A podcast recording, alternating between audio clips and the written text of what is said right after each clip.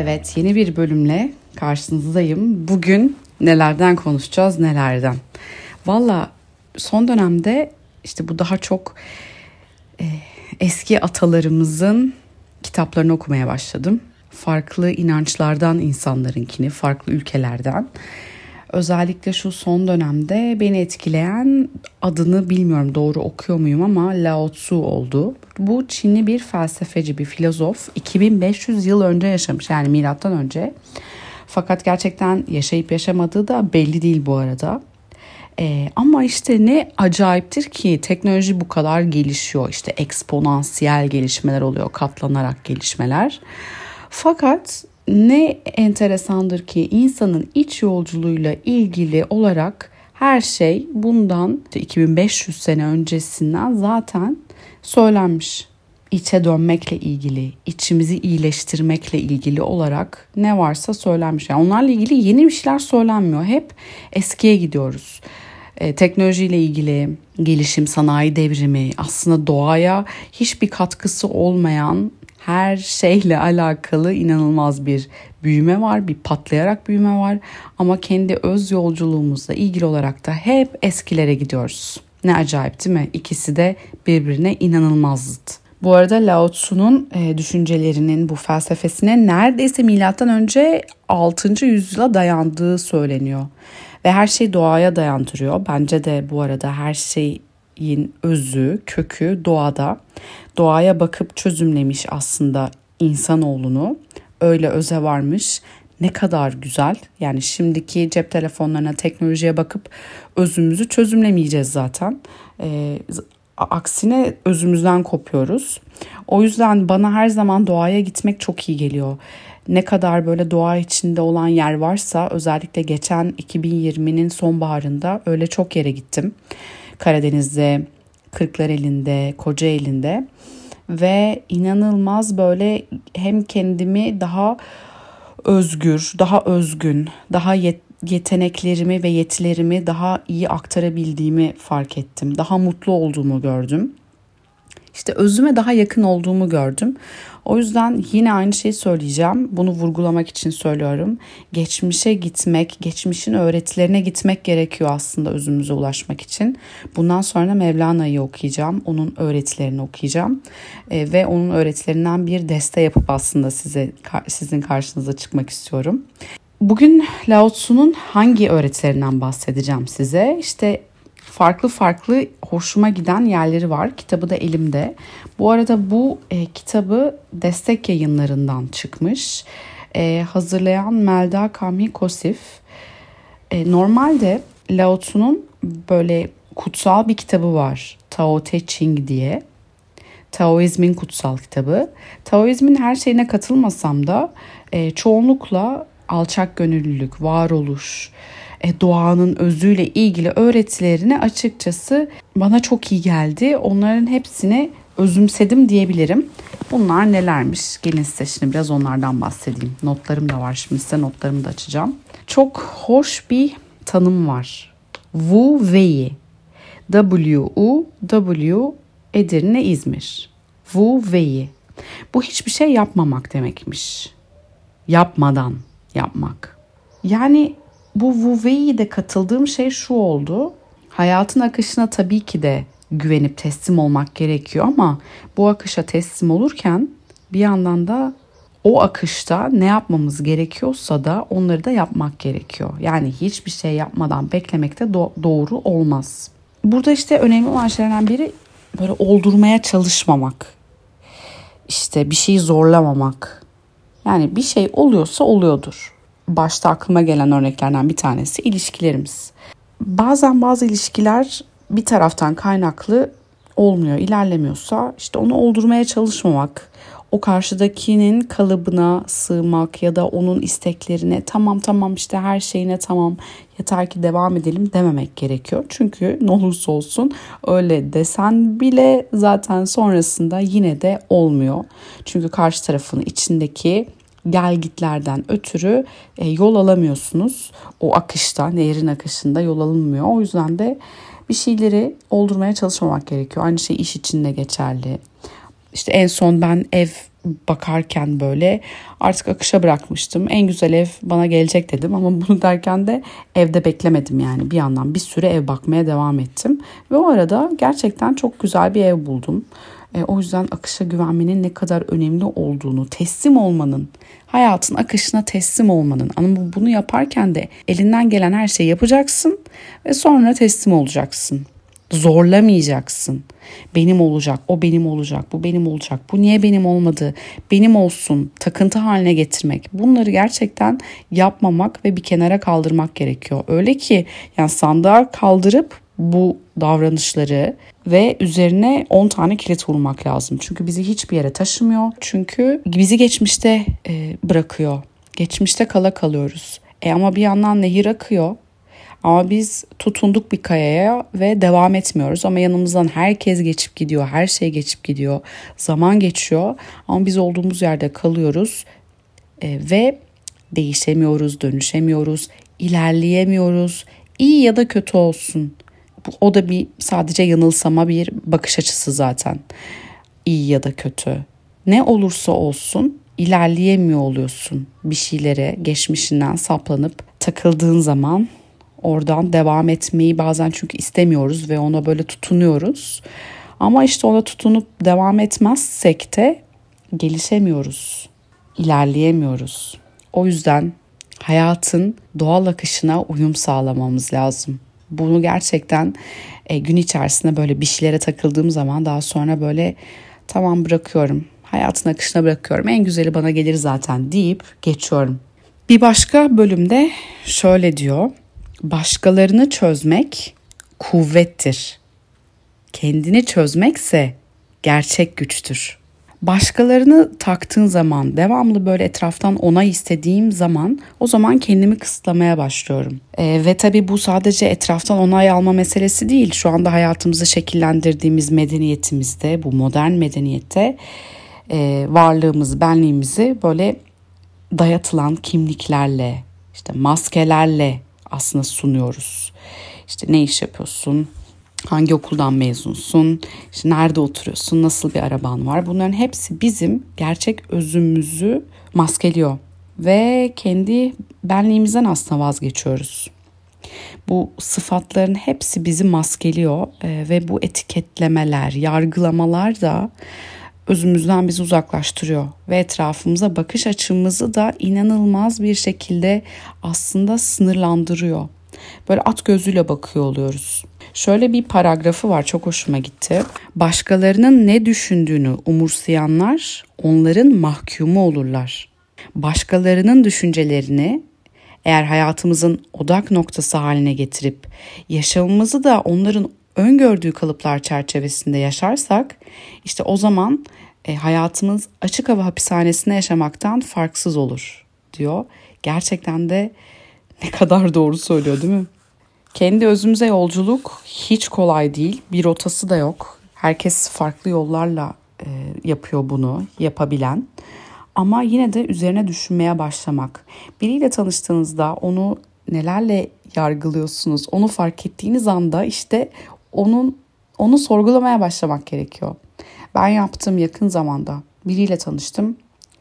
İşte dış görünüşüyle, oturduğu yerle yargıladım. Sonra da kendime kızdım tabii ki ve neden böyle yaptığımı düşündüm. Çünkü sohbeti inanılmaz etkileyici, inanılmaz sürükleyiciydi. Çok böyle aynı kafadaydık. Ama gel gör ki etiketleriyle yargıladım. Yani bakmayın size anlattığıma. Ben de yapıyorum hepsini. Ama yapmamak için gayret gösteriyorum. Zaten en önemli şey de bu aslında.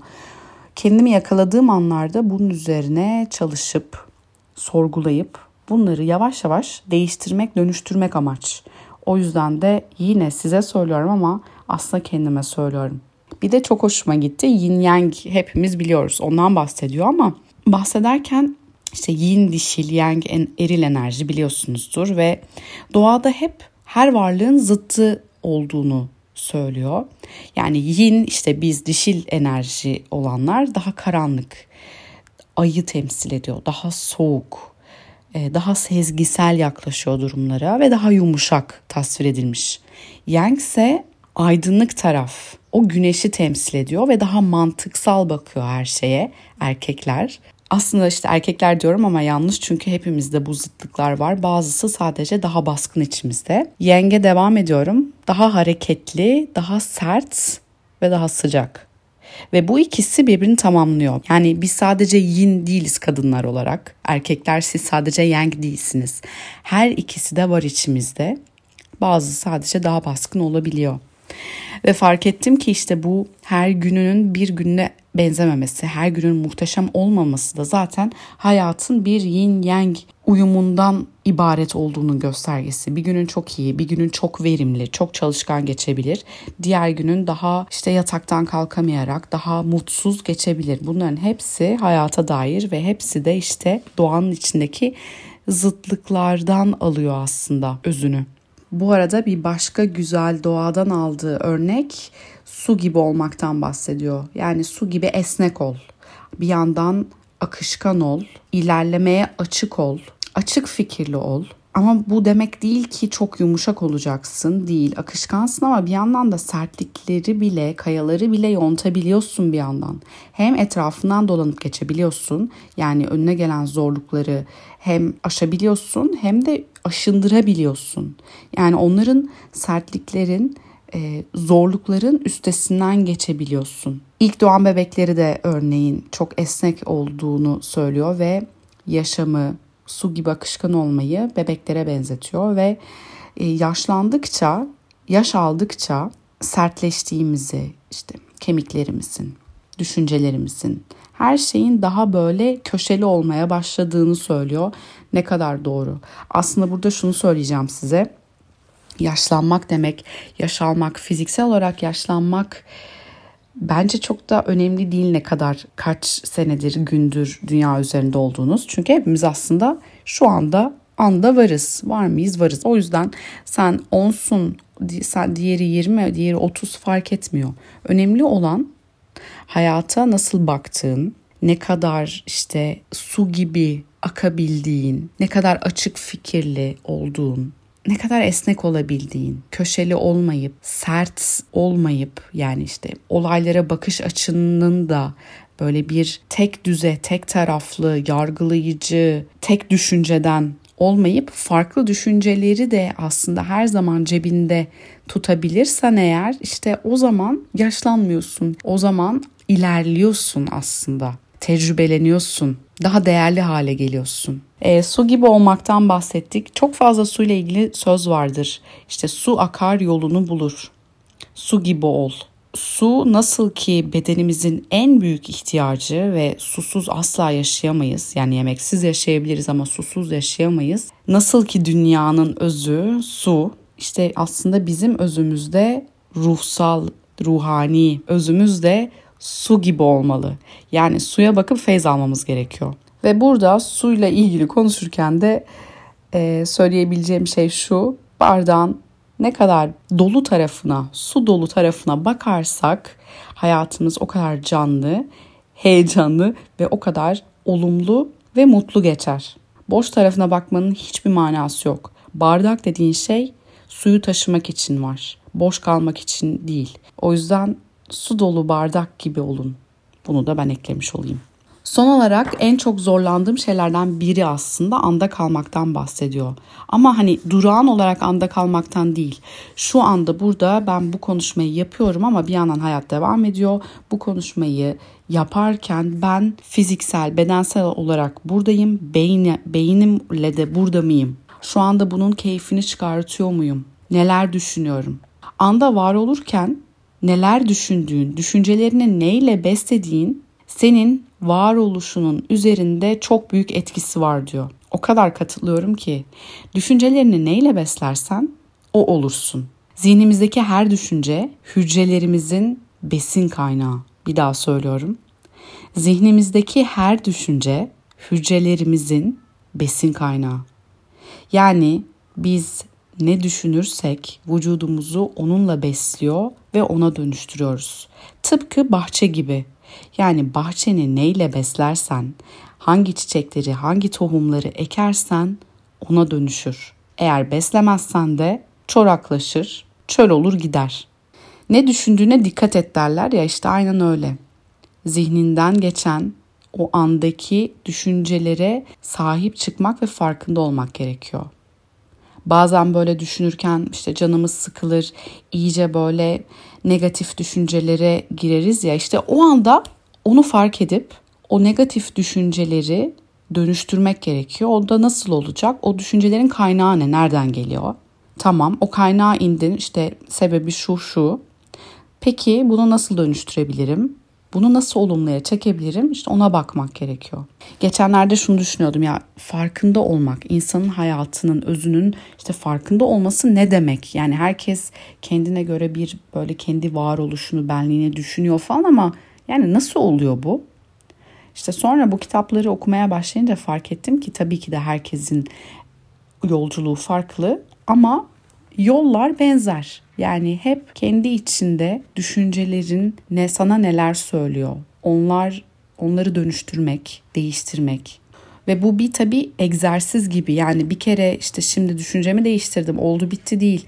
Devamlı seni rahatsız eden e, ya da seni beslemeyen şeyler geldiği anda Onların farkına varmak çok önemli ve işte egzersiz yapıp tıpkı her gün spor yapmayı nasıl seviyorsam bu da bir spor. Bunu yapmak gerekiyor. Çünkü geçenlerde yine çok hoşuma giden bir söz okudum. O da şöyle rutinlere inanmıyorum demiş biri. Alışkanlıklara inanıyorum diyor. Çok doğru. Alışkanlıkların aslında bizim alışkanlıklarımız bizim rutinlerimiz. Dolayısıyla işte bu düşünce kalıplarını, alışkanlıklarını değiştirdiğimiz, dönüştürdüğümüzde onlar da işte daha olumsuzken daha olumlu hale getirerek getirerek her gün spor yapar gibi ağırlık kaldırır gibi koşar gibi işte o zaman da o rutinlerimiz de değişmiş oluyor. Evet bugün benden bu kadar 2500 yıllık size Çin'in kadim felsefecisinden Taoizmin kurucusu Lao Tzu'dan biraz bahsetmek ve onun öğretilerinden bahsetmek istedim. Asıl kitabı Yol ve Erdem. Tao Te Ching ismi. Eğer hoşunuza gittiyse alıp okuyabilirsiniz de. Sizin de eminim e, özünüze yolculuğunuzda farklı konular takılacaktır. Gözünüze, aklınıza, fikrinize. Benim özüme yolculuğumda bana takılan düşünceler ve fikirler aslında işte bunlar oldu. Size bugün su gibi olmaktan, yapmadan yapmak yani teslim olmaktan, işte zıtlıkların aslında bizi beslediğinden, Kimseyi de çok fazla takmamak gerektiğinden çünkü onların bizi mahkum, onlara mahkum ettiğinden ve onlardan özgürleşmemiz gerektiğinden ve anda kalarak zihnimizdeki düşünceleri kontrol etmemiz ve onları beslememiz, doğru olanları beslememiz gerektiğinden bahsettim. Umarım hoşunuza gitmiştir. Bir sonraki bölümde görüşünceye dek kendinize çok iyi bakın. Ama gerçekten iyi bakın. Çünkü en büyük sorumluluğunuz kendinize iyi bakmak fiziksel ve ruhsal olarak. Bir sonraki bölümde görüşünceye dek hoşçakalın. Görüşürüz.